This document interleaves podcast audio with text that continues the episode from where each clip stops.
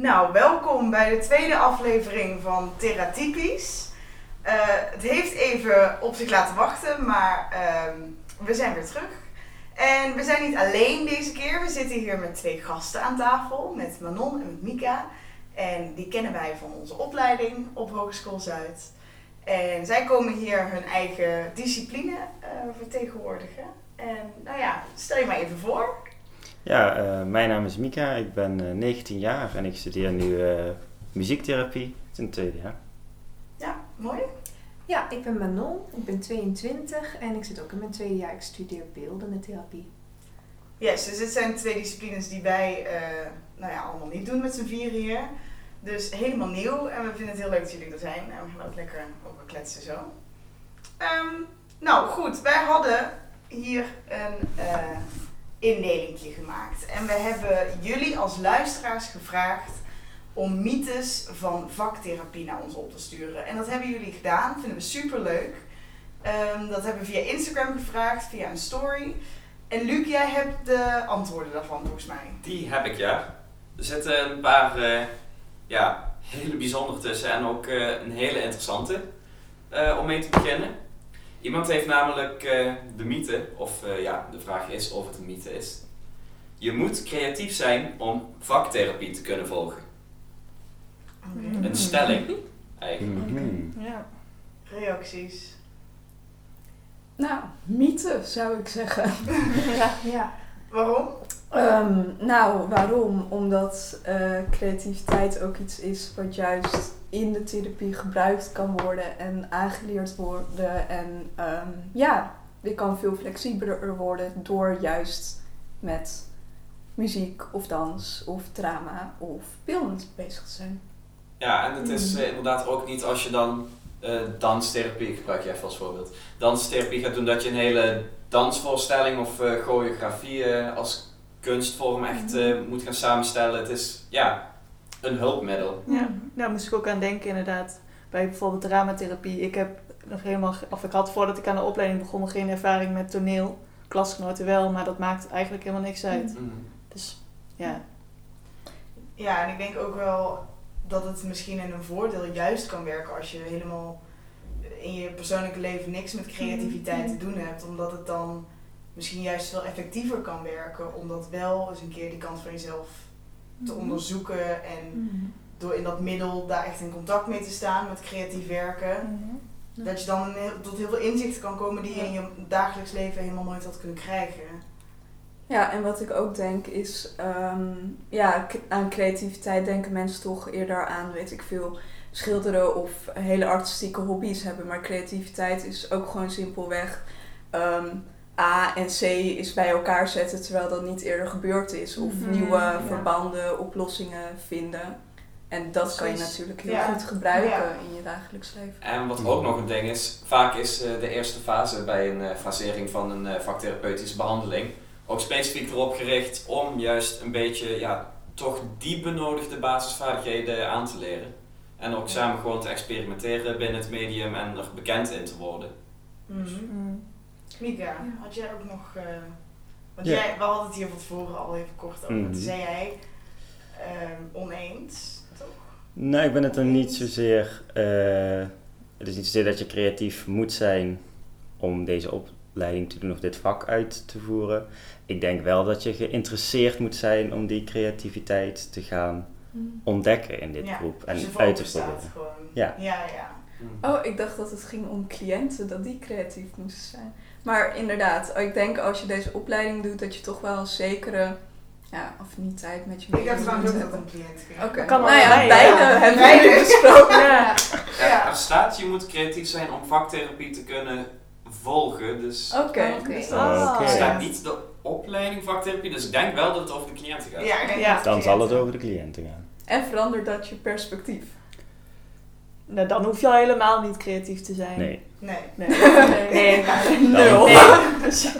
Nee. Nee, want daar zijn wij ook voor. Ja, precies. Je Ja. Ja. te leiden dan. Hmm. Ja. Ja. Nee, inderdaad.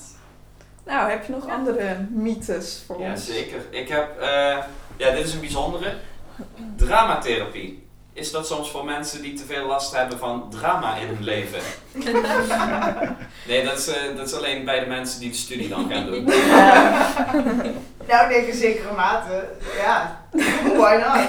Ja. Als er heel veel drama in je leven speelt en je hebt er heel veel last van, dan is dramatherapie een prima oplossing. Maar eh, ja, het is niet specifiek voor dat soort mensen gemaakt.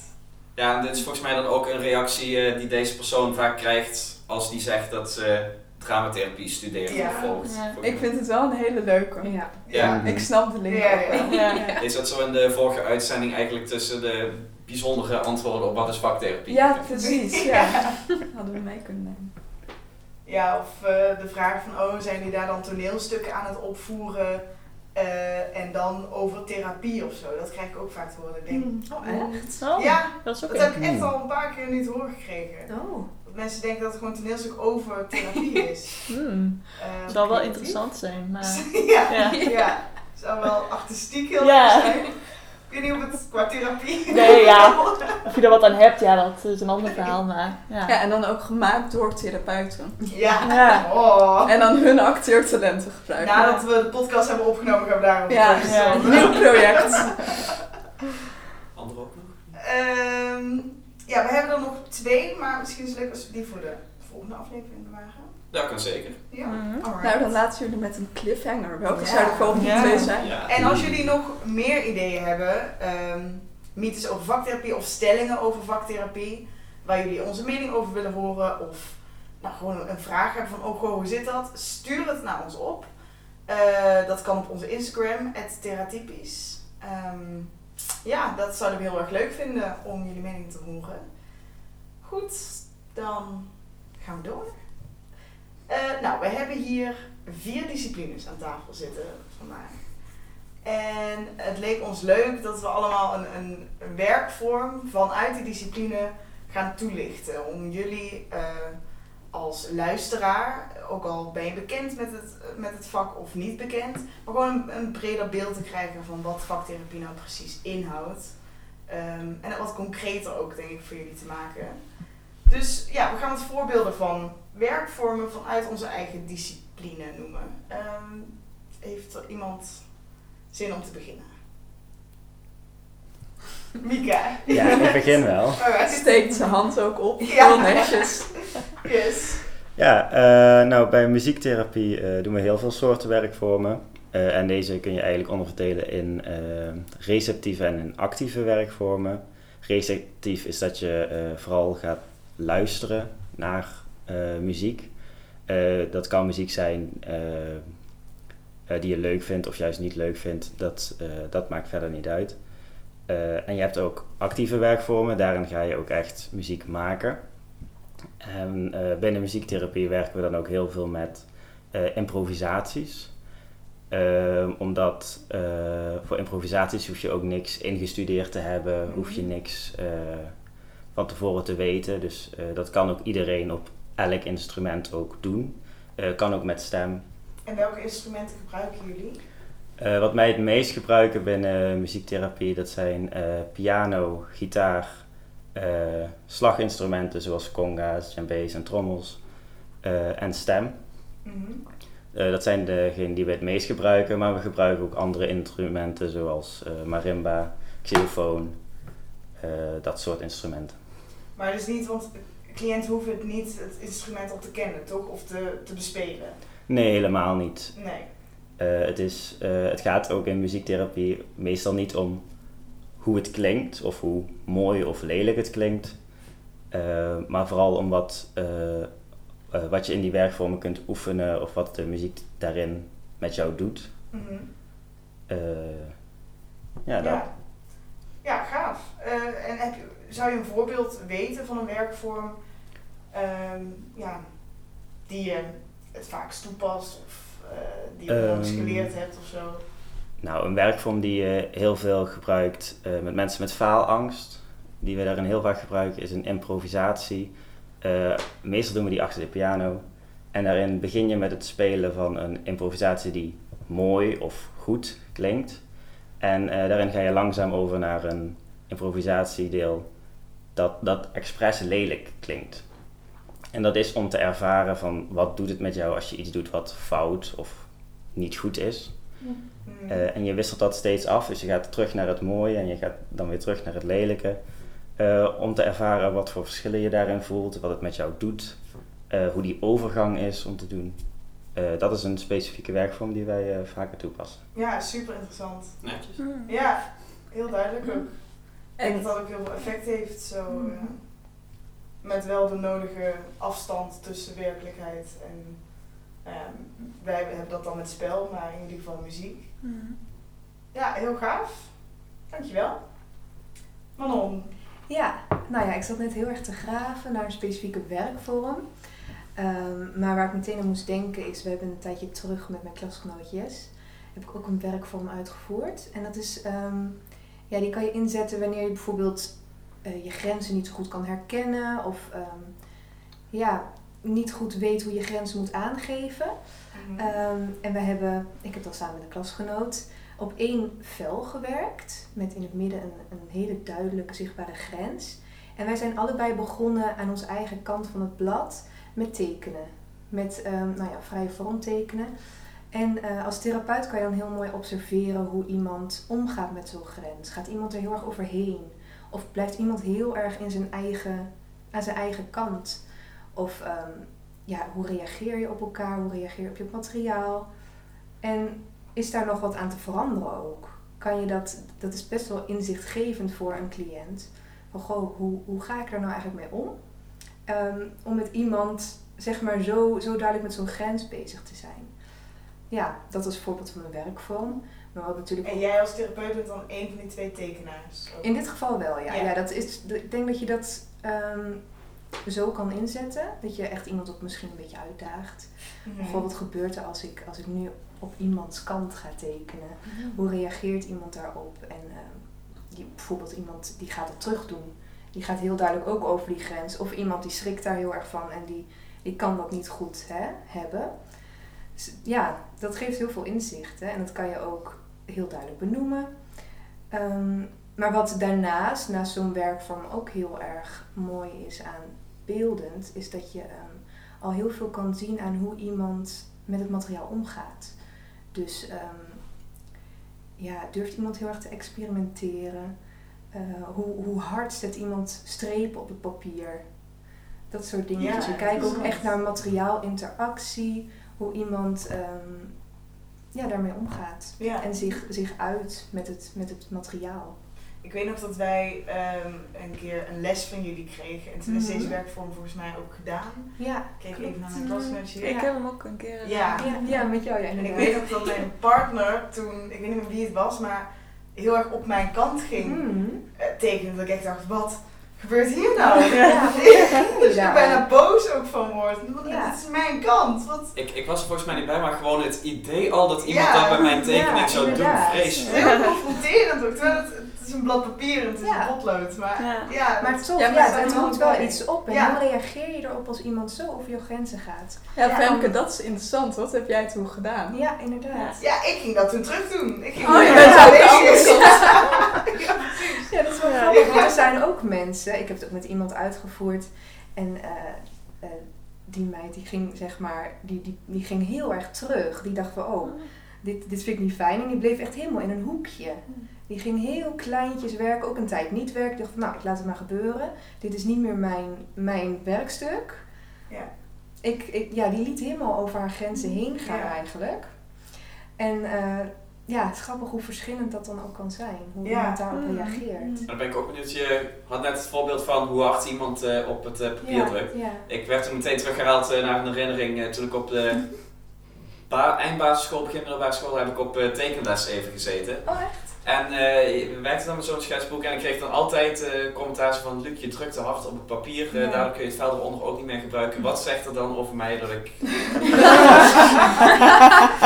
ja, een nou, jaar. Laten we nu even een therapiesessie doen. Nee, nee ja, wat zegt dat over jou? Dat, dat durf ik zo niet te zeggen, maar het zegt wel veel over iemand bijvoorbeeld wanneer, ehm, wanneer je dat niet doorhebt, als je maar blijft drukken en het papier kan ook kapot gaan. Dat kan je ook weer, weer therapeutisch inzetten. Hè? Bijvoorbeeld iemand heel erg dun papier geven en een heel scherp Oh, potlood.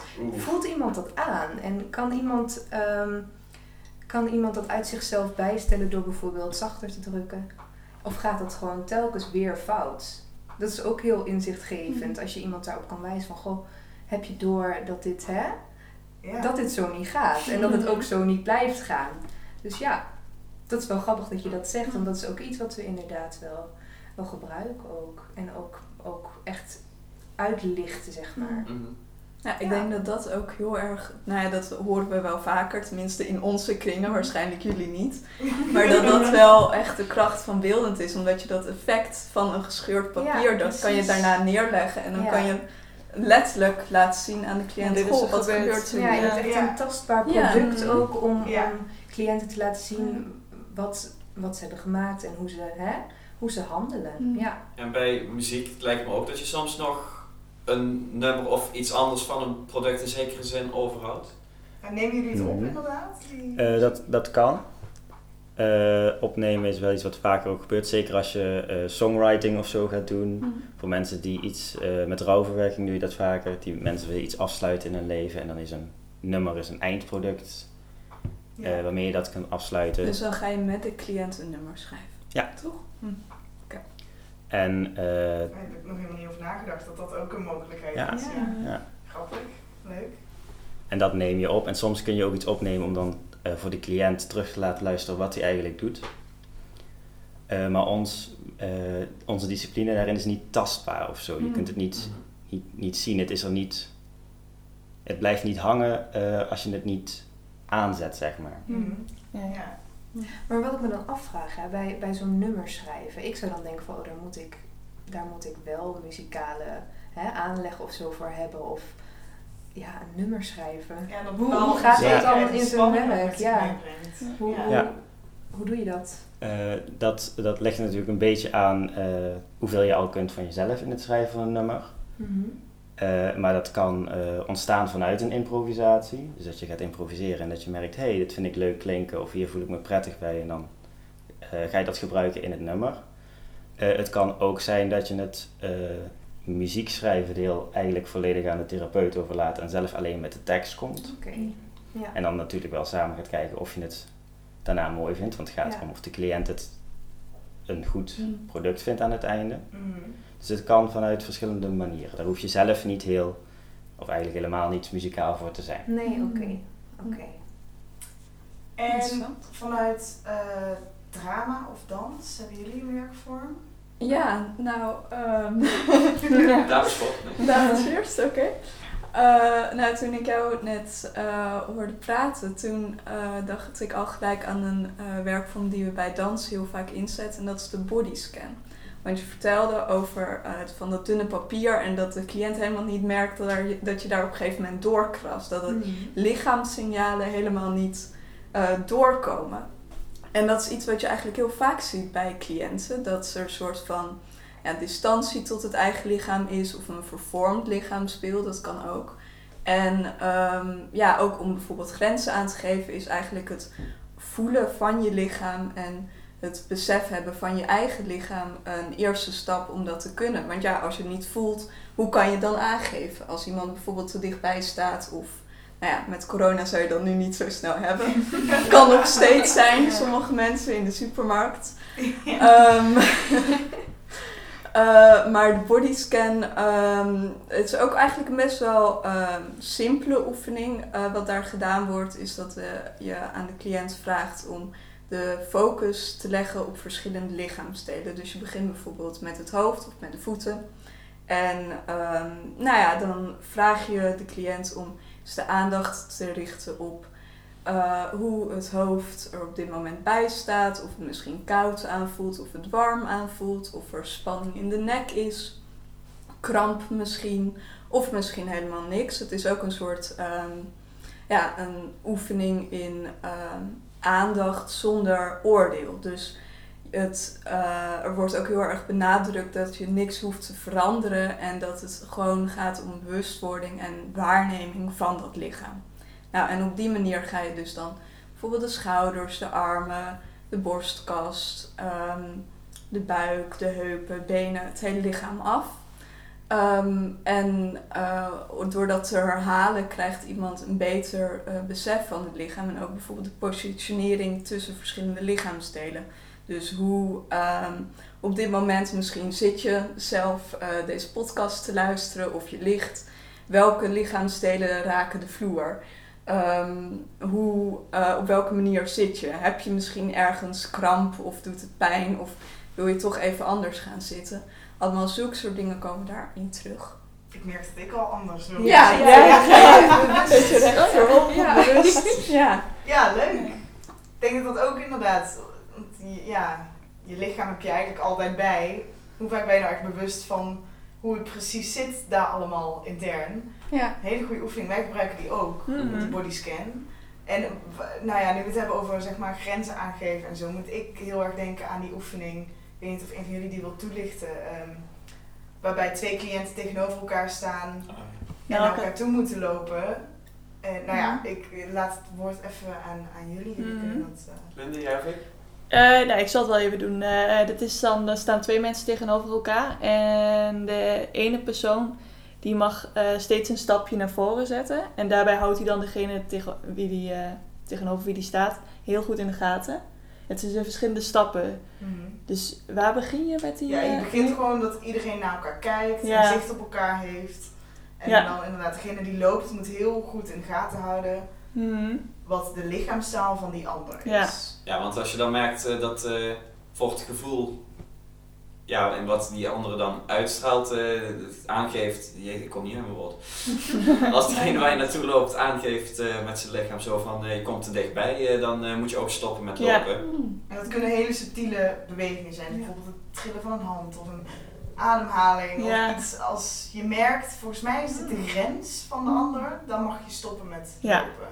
Dus moet je ook heel goed observeren wat er Ja. Ja. bij die andere gebeurt. Oh, volgens mij begint hij trouwens daar niet mee. Dat is dan alweer een vervolgstap. De eerste stap is dat diegene dan zelf zegt stop. Oh, klopt, ja, inderdaad. Ja. De eerste keer zegt de cliënt zelf stop. Ja. Dus En dan... de tweede keer moet Ja. de ander dat aanvoelen. En dan zijn er ook nog varianten met eh, dat iemand de ogen dicht Mhm. moet eh, houden en eh, dat eh, als iemand dan stop heeft gezegd en eh, Ja, dat de Dat de cliënt ogen weer dicht daar, moeten. die daar stilstaat, moet dan zijn ogen sluiten. Ehm, en de ander moet weer gaan lopen naar de cliënt die zijn ogen eh, dicht heeft gedaan. En dus dan extreem dat lichaam in, in de gaten houden. Mhm. Want de cliënt ziet jou niet meer. En dat is heel spannend natuurlijk. Ja. Zeker als je moeite hebt met je eigen grenzen aangeven. Dan is het heel erg lastig om die controle los te laten. Want het kan ook maar net zo goed zijn dat iemand ineens voor je neus staat. Ja. En Dat vinden die mensen dan heel erg eng. Mhm. Ja, dus dat is inderdaad best wel confronterend om die controle over die grenzen Mhm. ook los te laten. Maar degene die stilstaat, is dat dan altijd die cliënt? Of kan het ook zo zijn dat de rollen omgedraaid zijn? Of bijvoorbeeld twee cliënten? Ja, dat kan allemaal inderdaad. Ja, ja. Je Ja. kan inderdaad de rollen omdraaien. Eh, twee cliënten kunnen tegenover elkaar staan, bijvoorbeeld met dezelfde problematiek. Ja, want Ehm. ik kan me voorstellen dat het voor beide kanten ook heel goed, goed werkt. Zeg maar. Ja. om naar iemand zo toe te Ja. lopen en, en ja, die signalen gaan. kunnen herkennen. Ja. Precies, want Ja. dat kan ook En daarnaar heel te luisteren. Mhm. Ja. Ja. En je hebt ook bijvoorbeeld cliënten die, ehm, als jij aan hun vraagt van loop maar naar mij toe, Mhm. die dan echt in je gezicht gaan Ja. staan. Ja. Ja. En dan is het dus weer grensoverschrijdend Mhm. gedrag voor hun. En dan doen ze dit waarschijnlijk bij andere mensen ook. Dat ze heel erg in hun persoonlijke space komen Ja. en heel erg uitdagen. Dus heel veel experimenteren. Ja, Mhm. ja, precies. Dus je kan daaruit ook heel veel dingen oplezen van oh, bescherm jij jezelf heel erg of Mhm. neem jij meteen de macht van mij, pak je niet. Eh, dus ja, het is heel erg, je kan daar net als wat jullie net benoemden in jullie werkvorm, Ja. je kan heel erg observerend kijken van oh, oké, hoe gaat iemand met zo'n situatie om? Ja.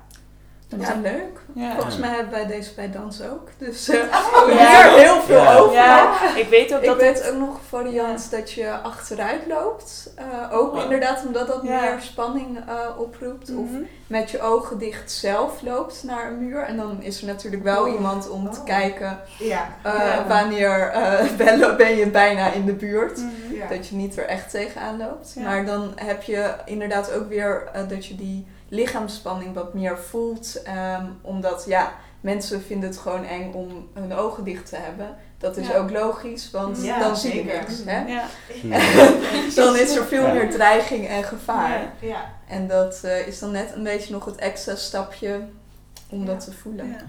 Nee, wat me net eh, binnenschoot is dat ik... eh, ik heb zelf een keer psychomotorische therapie gevolgd. En daar heb je deze ook. Ja. Dus het komt in Ja. verschillende eh, dat therapieën Ja. aan Het bod is natuurlijk eigenlijk. best ja, een sterke werkvorm. Ja. Ja, bij er muziek mee kan. heb je dat ook, dat je werkvorm hebt waarin je gaat kijken hoe fysiek je dicht bij, bij iemand kan komen. Als je aan de piano zit met z'n tweeën, Mm. Ah, kun ja. je ene aan de kant met alle lage tonen en één aan de kant met alle hoge tonen. Mm. En hoe dichtbij kun je komen? Ja. Hoe doen jullie dat trouwens nu met corona? Want met instrumenten zit je natuurlijk sowieso best wel dicht op elkaar, lijkt mij. Eh, dat kan als je aan één hetzelfde instrument speelt. Hm. Als je niet hetzelfde instrument speelt, kun je zo ver van elkaar gaan zitten als, als nodig. Ah, ja. Dus Ja. eh, Korte vraag. Ja, dat snap ik. Ja. Ja. Ja. Ehm, nou, leuk jongens om Ja. eh, al deze werkvormen te horen. Hmm. Ik heb echt wat bijgeleerd. Dat is echt Ja, heel leuk. Ehm, nou, gezien de tijd eh, gaan we naar een afronding toe werken. Waarbij we nog een tip hebben voor de luisteraar. Want eh, dat hadden we beloofd om dat iedere aflevering te doen. En deze aflevering heeft Mika een tip meegenomen. Eh, en nou ja, Mhm. take it away. En mijn tip voor deze aflevering is eh, voor alle luisteraars om eens een playlist te maken met eh, eh, allemaal liedjes die, je, die het verloop van je leven symboliseren. Dus een playlist over je leven waarin je van het begin van je leven tot nu eh, liedjes eh, achter elkaar gaat zetten die een periode symboliseren. Dus dat kan een blije periode zijn, een minder leuke periode in je leven. En dan krijg je een mooi overzicht van hoe je leven tot nu toe gegaan is. Eh, op welk punt je nu zit, welk nummer op dit moment bij je leven past. Eh, en misschien ook om te kijken eh, wat je in de toekomst nog zou willen. Wat voor sfeer wil je in de toekomst hebben. En dat via een playlist overzichtelijk maken voor jezelf. Ja, heel leuk. Ja. Goeie tip. Ik ga dat, eh, ik ga dat ook toepassen. Ja, ja. Heeft, Ja, heeft- ik vind het echt heel leuk. heeft iemand hier al misschien een nummer waarvan die denkt, die gaat sowieso in mijn playlist staan? Iets van Radiohead bij de mindere periode. nee, maar dat vind ik ook gewoon mooie muziek hoor. Maar... Ja. Maar het is zo mooi hè, hoe muziek eh, eh, zo Ja. erg symbool voor Ja. iets kan staan. Ja. En zo'n gevoel ook oproept. Wat herinnering, ja. niet eens cognitief hoeft te zijn, maar wat je gewoon gelijk begrijpt. Ja. Ja. Ja, ik denk dat het echt een hele mooie oefening Zo is. voor Ja. middelbare school een nummer kiezen wat ik echt vreselijk vind. En dat vond ik ook een vreselijke periode. Ja. Ja, of eh, allemaal oude liedjes of zo op de middelbare school. Ja. Ja, Ja, van waar je En toen dan naar zo helemaal losgaan. Ja, heel ja. Het nummer op het, eh, op het gala van groep 8. Ja, Oh, precies. ja. Replay van eh Ja. IS. Ja. Oh ja. Oh, dat moet ik heel hard denken. Oh, dat is erg. party, party rock en Ja. ja, maar als ik dat nu ga Ja. terugluister, denk ik van hoe heeft dit de top 40 kunnen halen? Ja. Oké. Maar dat hebben we dus ook over 40 jaar met de muziek van nu. Ja. dat is Ja. Ja. Maar Dat dat is echt al met heel de leuk. muziek van nu. Ja. Ehm, nee, goed jongens. Dankjewel dat jullie hier waren. Eh, wij gaan achter de schermen nog even door voor de derde aflevering. Die volgende week ook online komt. En ehm Mieke en Manon blijven daar ook nog even voor hopelijk. Als ze het nog Mhm. leuk genoeg vinden met ons. zeker. Nee, hartstikke goed. Dan, ehm, als jullie nog vragen of opmerkingen of eh, tips en tricks voor ons hebben, ook dingen die je misschien ehm, ja, toegelicht wil hebben of zo, die onduidelijk zijn, laat het ons weten. Je kan altijd een berichtje sturen naar ehm @theratypisch op Instagram. Vinden we echt super leuk, waarderen we ook heel erg. En eh, ja, dankjewel voor het luisteren. Tot volgende week. Joe.